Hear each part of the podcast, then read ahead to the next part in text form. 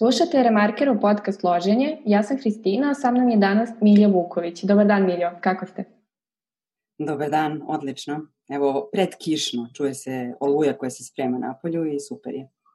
Recite mi nešto više o zero waste životu. Zašto je to za vas društvena i globalna tema, a ne samo neki način života? Pa, kada sam krenula, izgledalo mi je da je pitanje neke lične promene da ima veze s time kako ja živim i da donosi neki kvalitet u moj život, ovaj, da mogu to da podelim s drugim ljudima, ali uh, relativno brzo mi je postalo jasno da nije samo to u pitanju, zato što su svi izbori koji se prave i sve informacije do kojih se dolazi učeći o zero waste životu se u stvari potpuno tiču celog društva i promene načina na koji živimo. Uh, naprimer, uh, veliki deo zero waste jeste dovođenje u pitanje uh, konzumacije kako je, kako je na nju gledamo svakodnevno, ovaj, a pritom i, nekog, pritom i neko vraćanje na zaista to šta nas u stvari hrani, šta, nas u stvari, šta nam u stvari znači u životu. Ovi, stalno postoji to pitanje da li mi ovo stvarno treba, koliko će mi ovo trajati, koliko će mi ovaj predmet dugo radovati, da li dva minuta ili dve godine ili 20 godina. I, ovaj, i to stvari uh, pravi tu vrstu, otvara tu vrstu pitanja, a onda uh, je to samo prvi korak, onda se dovede u pitanje to, a odakle to stiže, znači da li je to iz moje zemlje, iz ove regije ili stiže s druge strane planete, da li mi je zaista neophodno mm -hmm. nešto s druge strane planete. Onda se nekako, kao neka čarapa kad se para, uh, otvara se pitanja ko je i kako je ovo proizveo. Da li se ja slažem sa uslovima života koji ima ta osoba, mm -hmm. jer veliki deo tog e, nevjerovatnog konzumerizma koji smo mi zaronili, ima veze sa time da na drugom kraju nevidljiv stoji neko ko je duboko obespravljen. I jako je, jako je neobično, u stvari, e, ja sam sad, evo koliko to traje, nekih dve, tri godine da mi se život na ovaj način promenio e, kad je otpad u pitanju, ovaj, ali ne i samo to, u stvari mi se, su mi se otvorile čitav niz pitanja o kojima sam i ranije razmišljala, ali stvarno nisam očekivala da su otpad ta vrata kroz koje je moguće tako intenzivno ući u razmišljanje i promenu uh, načina života. Ja pre svega to vidim kao uh, na neku vrstu usaglašavanja sa onim vrednostima koje kažemo da imamo mm -hmm. i sa onim vrednostima koje nas u stvari u životu hrane. Tako da ovaj, uh, zato je to kad se to odnosi na pojedinca, onda se odnosi i na društvo koje su to vrednosti koje mi kao društvo želimo da podržimo, hranimo, osnažimo i tako dalje. E, iz nekog razloga, eto, otpad je nešto što direktno otvara vrata ka tome, verovatno zato što je blisko povezan sa pitanjima toga šta se dešava sa drugim ljudima i šta se dešava u prirodi sa drugim bićima.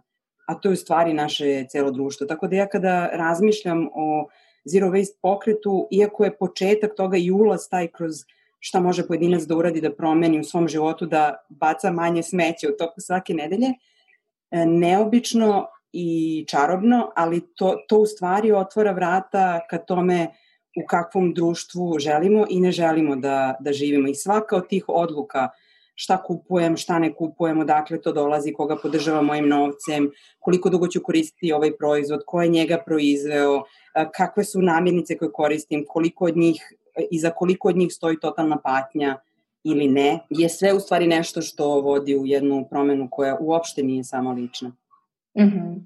Ono što je meni zanimljivo je što se vi dosta bavite umetnošću, a istoričarka ste umetnosti po zanimanju i u mnogim intervjuima govorite da je e, taj e, zero waste zapravo povratak prirodi, povratak precima, povratak nečemu što e, su ljudi koji su živeli na planeti pre nas radili, bilo im je skroz normalno, a da smo mi izgubili tu vezu sa njima i da prosto ne možemo da se setimo da prosto mislimo da su deponije nešto što je postojalo od vajkada, a u stvari smo i mi zaboravili na, na tu neku kolektivnu svest koja je pre postojala, koja sada nema. Da, ja sam po obrazovanju istoričarka umetnosti nekako uh, automatski razmišljam kroz ovaj kroz pojam društva i kroz uh, društvo u trajanju, znači kroz stotine, hiljade, desetine hiljada godina.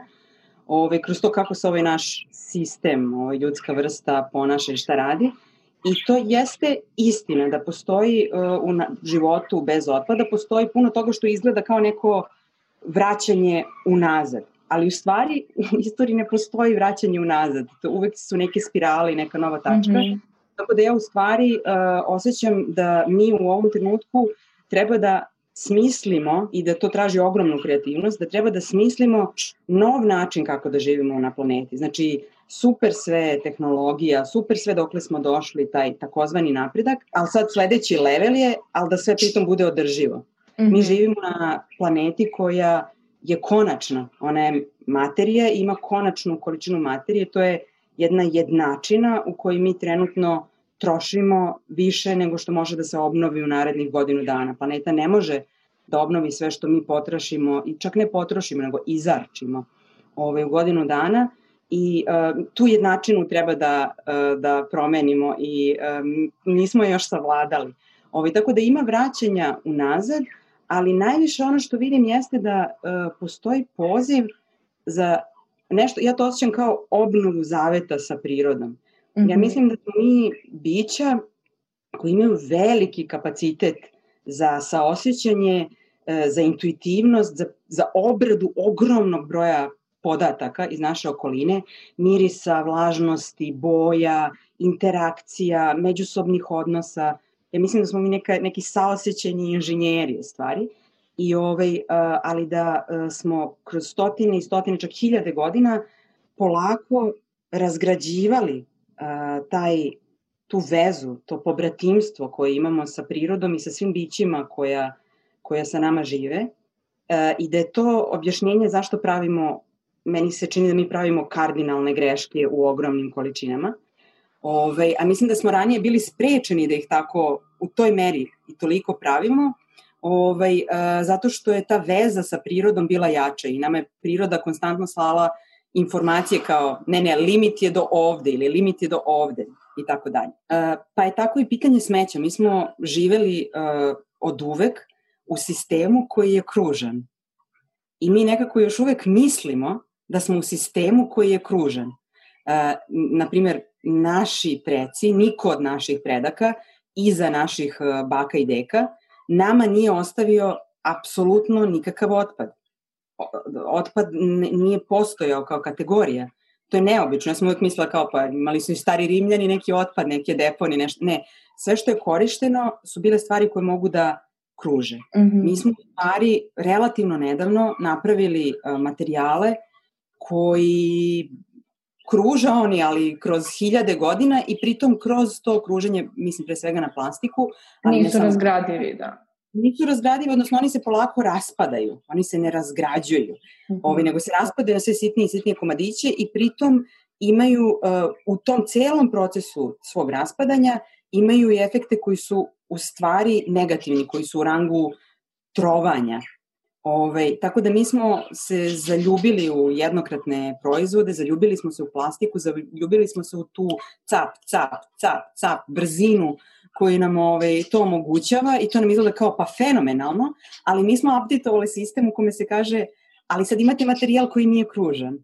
I mi se ponašamo kao, mi svi mislimo kao reciklaža, to je ono što obezbeđuje to kruženje, samo treba da recikliramo Ne, ne, mi imamo nešto što ni reciklaža ne, ne spašava.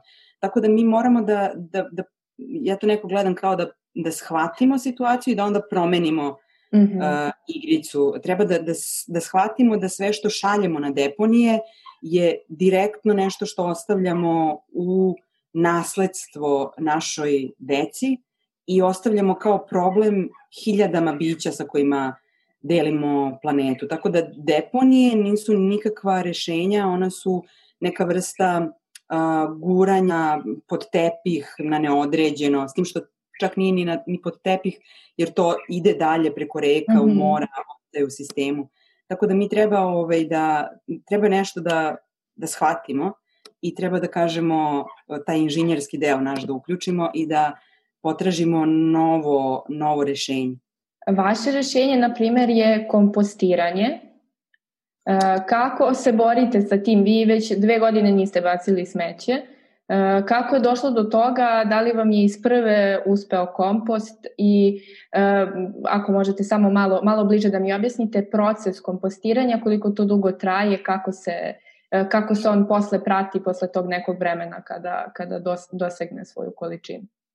Da, pa ja mogu da kažem da proteklih dve godine izuzetno malo za, za divljujuće malo i za mene samo organskog otpada sam poslala na deponije, jer praktično sav moj kućni organski otpad e, se vraća u kruženje materije, ovaj, tako što imam kompostnu kantu na mojoj terasi, ona se nalazi baš iza mojih leđa i ovaj, eh, jednostavno dodaje se sve ono što iz kuhinje ili skoro sve, ovaj, 95% onoga što se proizvodi kao organski otpad u kuhinji, mm -hmm. se dodaje u ovaj, kompostnu kantu, to je taj zelena materija, zeleni otpad, preko toga se stavlja smeđi materijal, to je razna piljevina, ona natron, smeđi papir, može suvo lišće, zavisi ko šta ima, i slažu se ti slojevi, povremeno se meša i tu u stvari imitiramo uh, prirodni proces uh, razgradnje a ne truljenje. Mm -hmm. Ono što se dešava u našim kantama za otpadke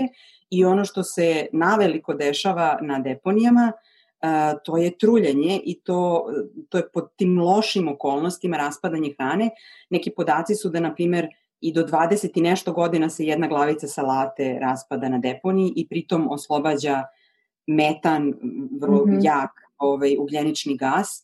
Ovaj, tako da svo to slanje organskog otpada na deponiju, za koju sam ja, na primjer, ranije mislila da je najneviniji deo mog otpada, je u stvari veoma loše i ono što treba kao pojedinci da krenemo da radimo, jer je super proces ovaj, i uh, on stvarno ispunjava srećeve. Mislim da ti mirisi koji dolaze iz kompostne kante, koji su najbliži mirisu uh, šume, u stvari. To je mm -hmm. ono raspadanje materije na po, površinskom sloju u šumi je u stvari kompostiranje. Kompostiranje zvuči kao neka šta je to, kakva je to reč, kakav je to, ko to radi, šta to znači, a to je u stvari samo pretvaranje nazad u zemlju. Mi u stvari kompostiranjem dobijamo jako fino, bogato đubrivo, odnosno zemlju, koju onda možemo ili da damo ako imamo terasu cveću, a ako ne možemo bukvalno da ga prospemo mm -hmm. ispred grade, u parku, u vikendici, u šumi, gde god, to više nije otpad to je bogata zemlja i time vraćamo nešto nazad. Mi smo uzeli uh, kukuruz, kokičar, lubenicu, ovo ono, oni su stigli iz zemlje. Mi smo uzeli nešto od zemlje, ali mi više ne vraćamo. Mi smo počeli da budemo jako sebični, da samo uzimamo, a da uh, ne vraćamo ili da vraćamo nešto loše. Tako da, da kompostiranje je jedna praksa koju kao pojedinci možemo da krenemo da radimo jer nije komplikovano raditi je na sobstvenim terasama, ispred zgrada ako postoji zajednički prostor, ako zgrada ima, ali e, je takođe kompostiranje nešto što treba da tražimo da podhitno kao komunalnu uslugu nam obezbede naši gradovi, mesne mm -hmm. zajednice, lokalna samouprava. Ove čak e, Srbija se obavezala da će nekih 130 kompostana otvoriti već koliko prošle godine ili tako nešto. Ne znam tačno koja je ta godina. I šta mislite, koja je kako bi to izgledalo? S, s obzirom na to da i recikliranje ne funkcioniše baš kako bi trebalo kod nas, kako bi izgledali, e, kako bi izgledalo to masovno kompostiranje? Da li bi uopšte Da, mislim da uh, u odbranu uh, naših ljudi i pitanja, na primjer, reciklaže, ja mogu da kažem da znam nekoliko evropskih zemalja koje pre nego što su krenule na uh, sistem prikupljanja, uh, razdvajanja otpada za reciklažu i prikupljanja, su imale četvorogodišnje edukativne kampanje na državnom nivou. Od vrtića, uh, ministarstava, svih ustanova, javnih televizija, javnih servisa, znači četiri godine je bilo dok svi nisu kao vrapci naučili zašto je to važno, kako se to radi, šta će se time desiti. I druga stvar, e, rezultati su mnogo transparentni. E, ja mislim da je veliki problem u tome što smo mi od starta znali da nešto sa reciklažom i procesom reciklaže nije baš čisto da, i nije baš... Jasno. Ovaj, I mi nemamo i dalje kao građani, recimo, mnogi ljudi na mojoj grupi koji odvajaju tu zelenu kesu za reciklažu, ne mogu da vide na sajtu podatke transparentno o tome koliko je kog materijala reciklirano, šta se sa time desilo. Mislim da bi ljudi, mi smo, nismo sasvim racionalni, ali imamo neke logične elemente u sebi.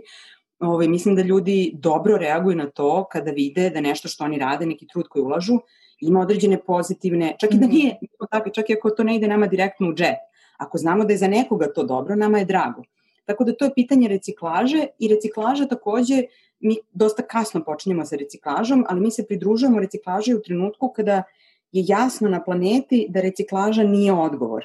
Da reciklaža može da je važna za jedan deo materijala koji imamo, ali samo ako prethodno uradimo čitav niz koraka redukcije. Da mi ovu količinu besmislenog materijala koji nije reciklabilan ili reciklabilan, ali ne stiže na reciklažu, apsolutno nemamo privilegiju da, da koristimo. I tu smo se svi zaigrali, i velike korporacije, mm -hmm. i pojedinci i tako dalje. Tako da ja mislim da pitanje reciklaže kompleksno i sa industrijske strane, tehnološke, a i sa te neke psihološke strane. Mislim da je kompostiranje malo jednostavnije, zato što u kompostiranju ostajemo u sferi organske ovaj, materije, odnosno nečeg što je bio razgradivo mm -hmm. i što mhm. se vrlo konkretno na naše oči u periodu od u kućnim uslovima mesec, dva, a u profesionalnim kompostanama za mnogo kraće vreme, pretvara u taj proizvod koji mi želimo, znači zaustavlja se e, to truljenje i proizvodnja metana, nego se momentalno dobija zemlja koja može da se vrati zajednici ili zemlji i tako dalje. Tako da dobija se đubrivo, kompostno mm -hmm. đubrivo. Tako da čini mi se da bi ovaj kompostiranje možda bilo ovaj jednostavnije. Ja sam za to da se krene u tom pravcu, pa da onda vidimo koje imamo probleme, pa da rešavamo ovaj, te probleme, ne da nam u startu izgleda kao, ma ne možemo mi to, nismo mi to. I mislim da je jako bitno, ovaj, često čujem kako ljudi traže zašto nemamo neke kazne, ljude treba kazniti i tako dalje. Ovaj, ima raznih tipova ljudi potpuno razumem da neki ljudi mnogo bolje ovaj, reaguju na kažnjavanje, ali mi se čini da treba ovaj, reetablirati i to pitanje zadovoljstva, sreće, opšte koristi, Znači, ja mislim da mi reagujemo i na to ako vidimo da je nešto dobro za našu zajednicu, da je dobro za naš mm -hmm. grad, da nas čini srećnim to što to radimo, što znamo da sprečavamo neku štetu. Mislim, to je, to je takođe vrednost na koju mi kao ljudi reagujemo. Pa i pitanje dobra u svetu, da, da uradimo nešto dobro bez toga da se nekako nama vrati ili da, da budemo kažnjeni ukoliko nismo dobro uradili. Apsolutno, mislim da ta ovaj, uh, jednačina opet ovaj, ja sa jednačinom, ovaj, mm -hmm. jednačine su mogu da budu jako složeni. Naši sistemi, naša duša je jedna veoma složena jednačina. Znači, ne mislim ništa, nešto jednostavno kad kažem jednačina, ali ovaj, uh, mislim da uh, smo nekako kao društvo uh, jako relativizovali neke pojmove koje mi u našem biću intuitivno i vrlo direktno osjećamo kao važne. Znači, to da nešto radimo nesebično, bez direktne lične koristi je nešto što je čovjek apsolutno u stanju da radi i vredno je. Da pače, mi prepoznajemo e, šta je važno, šta su veći interesi, na primjer, da je važnije sledeće generaciji zato da se očuva neki kvalitet života ili da je važnije nešto što pogađa veliki broj bića kroz dugo vreme. Mi to intuitivno znamo, to je, to je logično, to je dobro, to je pametno, ali ove, ovaj, smo se jako okrenuli uh, nekim kratkoročnim mm -hmm. i vrlo interesima, a priroda, ta celina koju mi pripadamo, uopšte ne funkcioniše kroz kratkoročno i vezano samo za jednu osobu. Sve u prirodi je, je sistem. Ništa, niko nije ostrvo, ovaj, kako kaže e, Doni. Znači, mi nemamo, to, to ne postoji. Ovaj, tako da mislim da, da treba ovaj, e, videti šta možemo da radimo, da osvešćujemo, da ne radimo za samo za mene, samo za moju materijalnu korist, samo za ovo, jer nas to u stvari i ne čini ovaj, baš tako ispunjenim i srećnim. To je sad, na primjer, u ekonomiji, meni je zanimljivo što ovo sad o čemu nas dve razgovaramo, se ogleda i u drugim kategorijama društvenim i u, na primjer, ekonomiji, postoji onaj e, famozni e, nacionalni dohodak prosečni, mm -hmm. ali sada ove, je shvaćeno da to u stvari ne izražava sve vrednosti jednog društva i ono što je društvu potrebno, tako da se sad uvode razni, e, razno merenje sreće.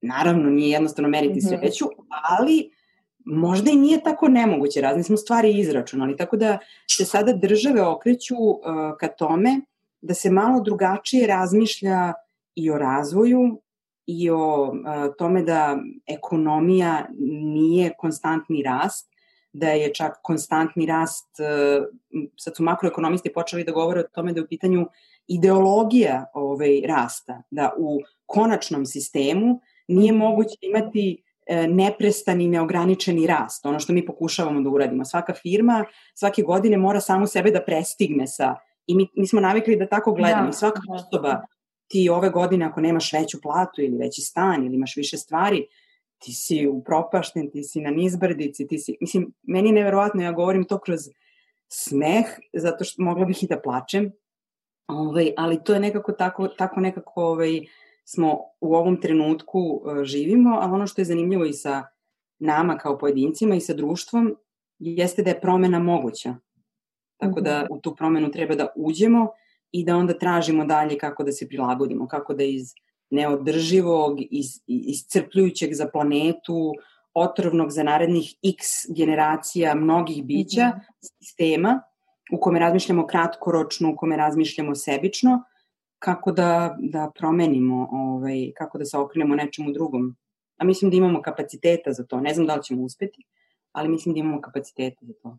Ja se nadam. Upravo o tom konzumerizmu govorite i na grupi. Uh, trenutno su aktuelni postovi koji se bave uh, popravkama uh, raznih tehničkih uređaja, frižidera, blendera, pojavljuju se i prodavnice koje prodaju polovne, popravljene, polovnu popravljenu robu. To je u svetu skroz normalno, kod nas je to nekako još uvek za neke ljude blam kupiti polovno, neki ljudi misle da nije ni dobro popravljeno. ko, koji je vaš komentar na to i, i da li mislite da će to onda urušiti neke dohodke firmama koje se trude da svake godine, baš što vi kažete, izbace novi frižider sa novim touch screenom, sa boljom mehanikom unutra i ka, kako to nekako uh, deluje na, na nas, a kako deluje prosto na neke ljude koji od toga zarađuju. To je veliko pitanje sa puno podpitanja, bih mogla dugo da, da govorim o tome jer je jako važno. Ovaj, ali evo da, da nabacam neke ovaj, ideje za razmišljanje. Uh, ja sam u stanu jednom od poznanika videla frižider iz 1930 i ne znam koje godine, pre drugog svetskog rata, koji još uvek radi. Žena koja njima iznajmljuje taj stan je stara, to je frižider njenih roditelja i ona svaki put kada pita da li sve u redu stanu, ona pita kako je frižider, kao da je u pitanju osoba. To je neka italijanska marka, ne znam koja. A, to nama govori da je 30 i neke godine Homo sapiens bio u stanju da napravi frižider koji traje 80, 90, mhm. ja ne znam sa koliko godina. Znači, mi imamo tehnologiju da napravimo mobilne telefone, laptopove, automobile, sijalice, ormare, frižidere, blendere, koji traju desetinama godina. Ali mi nemamo uglavnom ili mi ne možemo da kupimo jer su ti proizvodi ne znam koliko skupi, proizvode koji zaista toliko godina i traju. A mogli smo 39. Mm -hmm. godine. Meni je, na primjer, to zanimljivo. Šta se to promenilo? Pa, e, e, sada inženjeri koji e, proizvode proizvode, postoji nešto se zove planned obsolescence, znači proizvodi se prave tako da posle tri godine morate da ih zamenite. Da. Znači njihov kvar je ugrađen u njih u trenutku kad su oni novi. To mhm. nije etički, to nije, to nije, um, to nije ekološki, to nije, znači ja nemam reči, mi, mi sebe sami zakopavamo. Ove, I to nema nikakve veze sa tehnologijom, voljenjem, nevoljenjem tehnologije, tehnologija je zla, zla ovo ono. Ne, mi se ponašamo nemoralno. Ne, ne, ne, I to iz da. tog negledanja kroz 2-5 minuta. Tako da jedno pitanje, na primjer, i odgovor na to je nešto što je um, um, jedno moguće rešenje u kome, na primjer, film, firme koje se bave proizvodnjom uh, kućne rasvete ili proizvodnjom automobila one više nama, e, govorimo o konceptu koji postoji, koji je počeo da se istražuje, one više nama neće prodavati svoje proizvode, već će nam ih iznajmljivati. Njima će tada biti cilj da ti proizvodi traju što duže. Znači ta uh, ekonomija iznajmljivanja je nešto je jedna mogućnost. Meni je jako zanimljivo kad izgleda kao, ali ovo ne možemo da rešimo, onda će se survati sva industrija, onda će se, a onda se pojavi tako kao, pa ne, u stvari mi imamo to rešenje, ono postoji, moglo bi da se primenjuje, ali činjenice društvo mora da drugačije funkcioniše. I meni se čini, nisam ekonomista, ali gledajući neke podatke koje govore o tom progresu ovaj, na planeti, da u stvari tekovine tog progresa i neke dobrobiti tog progresa u stvari uživaju vrlo malobrojni uh, ljudi na planeti.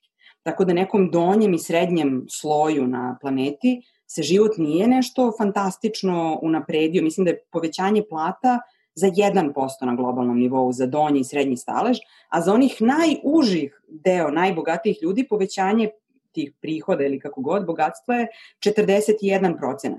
Prema tome mi ne govorimo o tome da će cijelo društvo da se surva i svi radnici će ostati bez posla, nego će neko morati da razmišlja manje sebično.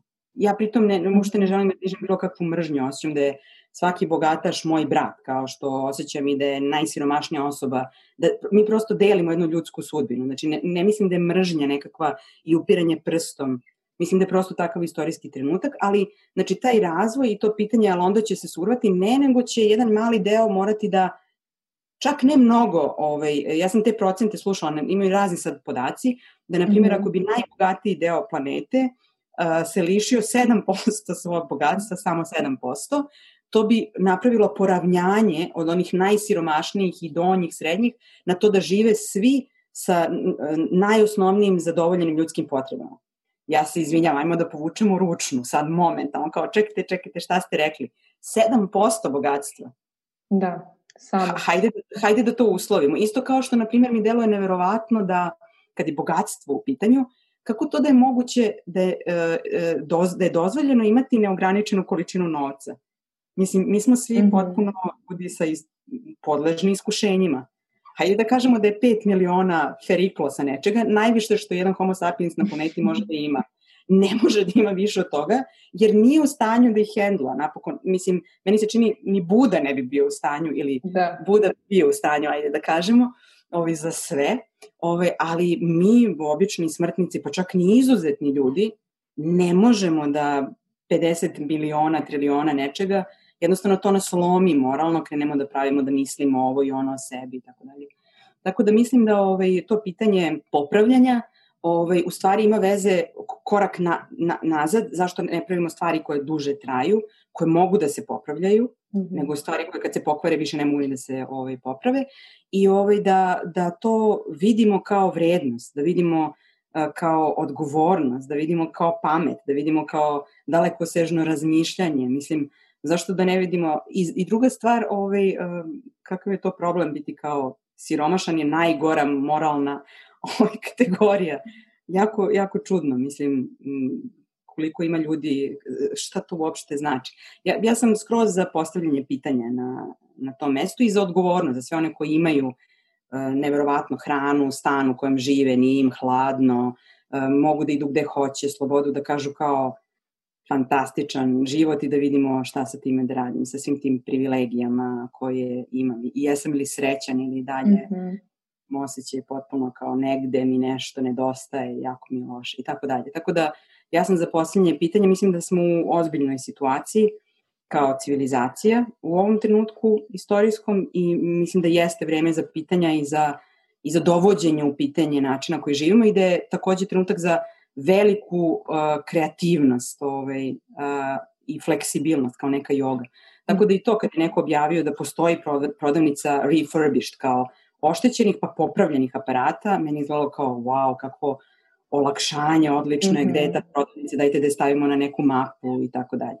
U suštini, uh, ono što ja pronalazim na grupi je da za svaku vrstu problema i svaku vrstu nedoumice postoji rešenje. ja, drago mi je ako je to utisak. Ovaj, meni je za početak drago da e, na pitanja postoji e, na grupi za manje smeće i više sreće koja se bavi e, životom bez otpada i time kako ići mm -hmm. u tom mhm. pravcu, da postoji veliko raspoloženje i entuzijazam da se pokuša da se pronađe odgovor na razna pitanja. Puno znači to što je sad na grupi strašno, zaista već je to dosta mm -hmm. ovaj, ljudi iz različitog obrazovanja, različitog znanja, životnog iskustva, tako da ljudi imaju različite informacije i to je sad jedan resurs, u stvari grupa je resurs gde je moguće postaviti potpuno početničko pitanje, a i neko baš jako specifično kako da, gde je ovo da odnesem da bi ono, i, ovaj, i da se dobije nekakav odgovor. Ali ja sam, ovaj, kao što se verovatno već vidi, skroz i za, i za to priznavanje da nemamo odgovor na nešto. Mislim mm -hmm. da je a, prepoznavanje neznanja i nekih limita koje imamo izuzetno važno ako želimo da to prevaziđemo. Tako da ja ne predstavljam život bez otpada kao niti sebe, kao neko ko živi životom bez otpada, kao neko ko postavite mi pitanje, evo ja samo vadim iz rukava, ima, ima za sve rešenje, samo mi nikako to da uradimo, to uopšte nije istina uh, i da kažem razvijenija društvo od naših imaju čitav niz uh, problema vezano za otpad koji uopšte nisu rešeni.